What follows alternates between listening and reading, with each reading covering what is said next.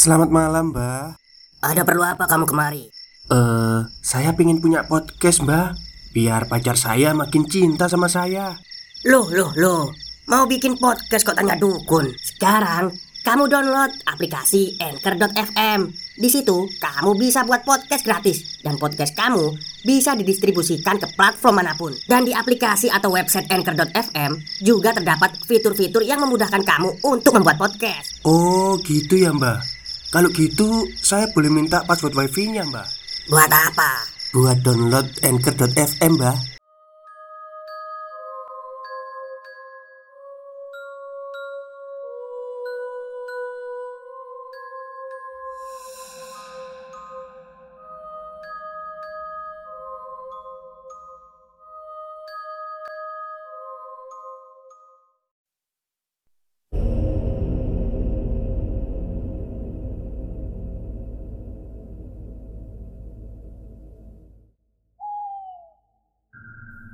Assalamualaikum warahmatullahi wabarakatuh. Halo semuanya, jumpa lagi dengan saya Chow Sing Sing Kurator dari podcast Horror Night Story. Halo apa kabar semuanya? Semoga kalian semua sehat-sehat ya. Dan seperti biasanya pada malam hari ini Saya kembali dan akan menghadirkan sebuah kisah mistis untuk kalian semua Kisah mistis kali ini dialami oleh seorang lelaki ya. Tidak tahu namanya sih Tapi di tweet twitternya namanya Ayai Are Are Mungkin orang Surabaya atau Sidoarjo ini. Oke, daripada kita berlama-lama Mari kita simak ceritanya. Tahun 2017 Terdengar suara ketikan laptop di kamar sebelah kiri, yang padahal itu adalah kamar kosong. Langsung saja aku chat bapak kosku, dan beliau bilang, "Ya, bapak tak langsung ke sana ya. Jangan bilang di grup dulu, takutnya pada panik." Sambil nunggu bapak kos dateng, teman kosku yang kamarnya sebelah kirinya kamar kosong itu nelpon Mas, kok kerungu suara ketikan laptop yo? Utawa komputer di kamar sebelah yo? Mas, aku kok kedengeran suara ketikan laptop ya?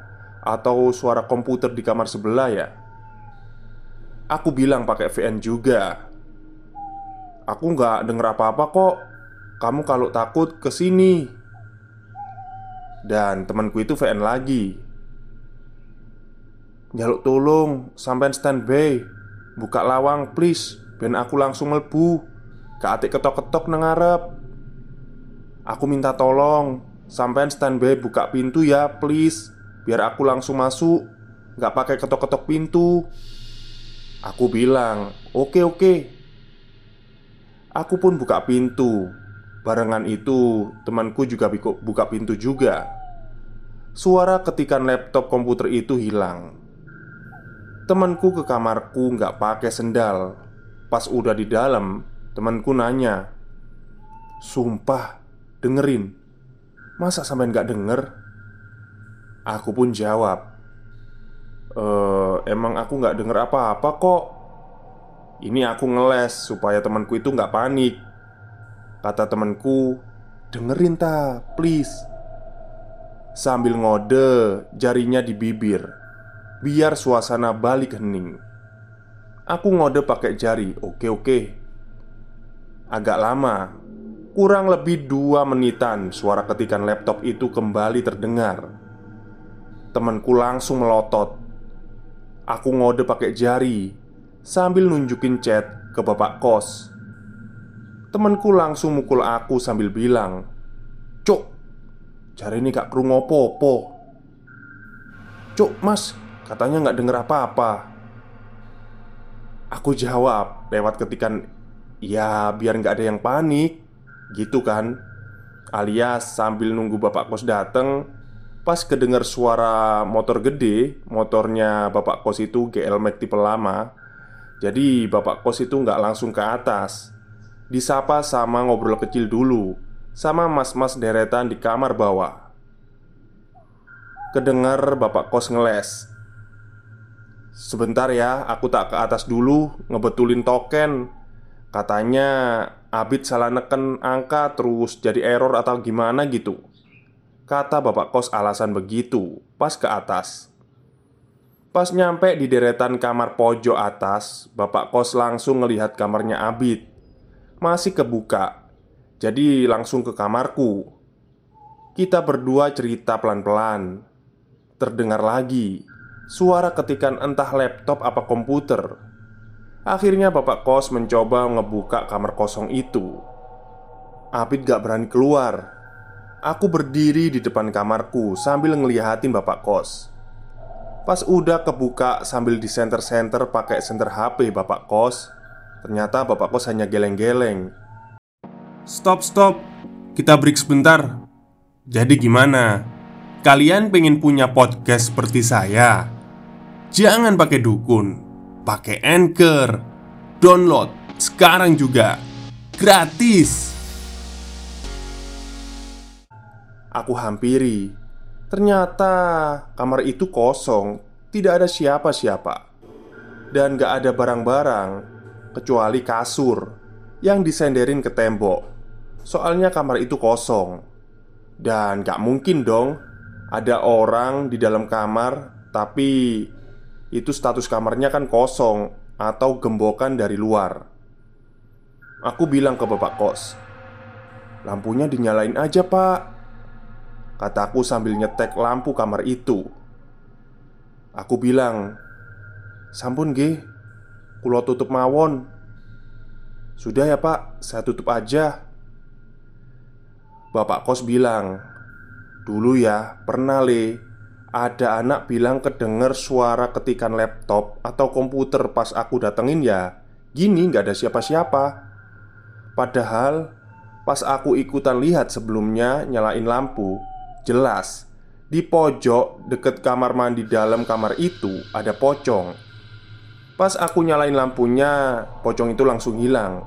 Cuman aku diem aja, nggak bilang ke bapak kos. Aku cuma bilang, "Wala, gitu tak pak." Tadi Abid juga kedengeran suara ketikan.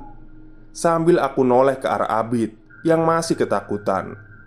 Abid cuma manggut-manggut sambil wajahnya udah lesu ketakutan. Akhirnya tak berapa lama bapak kos pamit pulang Abid tidur di kamarku Soalnya dia takut Awalnya kita berdua kesusahan untuk tidur Tapi akhirnya si Abid malah tidur duluan Aku masih melek sambil buka-buka aplikasi Mami Kos Sama marketplace Facebook buat cari info kos Alias malam itu juga. Aku langsung kepikiran untuk pindah kos saja. Beberapa kali suara ketikan itu kedengar lagi Dan kedengar lagi. Singkat cerita paginya aku kemas-kemas baju sama barang-barang Sambil bilang ke Abid kalau aku mau pindah. Terus ternyata Abid ikut pindah juga Kebetulan info kosan baru yang aku dapat dari marketplace Kamar kosong nggak satu ya Akhirnya kita pindah ke kos itu dan tiga kamar di lantai atas itu jadi kosong. Oh, maksudnya itu tiga kamar yang ada di kosan itu di lantai atas itu. Jadi, karena aku sama Abid pindah, akhirnya tiga kamar itu kosong. Yang satunya kan udah kosong ya. Buat yang nanya kosannya di mana, itu ada di Surabaya Timur alias Mer dulu. Dan sekalian bagi yang belum pernah baca treat-treat horor pengalaman pribadiku, aku taruh di sini ya.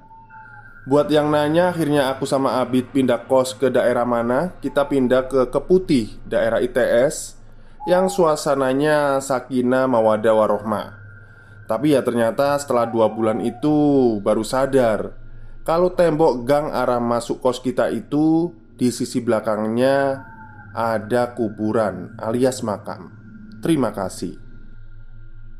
Oke, terima kasih kepada Ayai Are-Are ya nama Twitternya gitu akunnya. Ya, dulu saya juga pernah ya di ya pokoknya waktu ngekos dulu waktu kuliah. Sebenarnya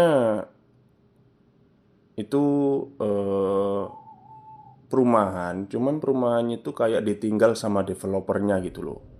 Karena waktu itu saya baru keluar dari asrama dan kesulitan untuk mencari kos-kosan, akhirnya ditawarilah sama teman saya itu yang kebetulan dia itu e, bertempat tinggal di daerah itu. Terus ditawari ngekos di rumah-rumah develop yang ditinggal developer itu tadi.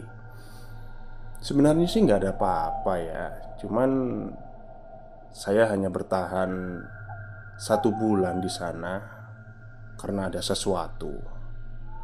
Oke, mungkin itu saja cerita pada malam hari ini. Kurang lebihnya, saya mohon maaf. Wassalamualaikum warahmatullahi wabarakatuh.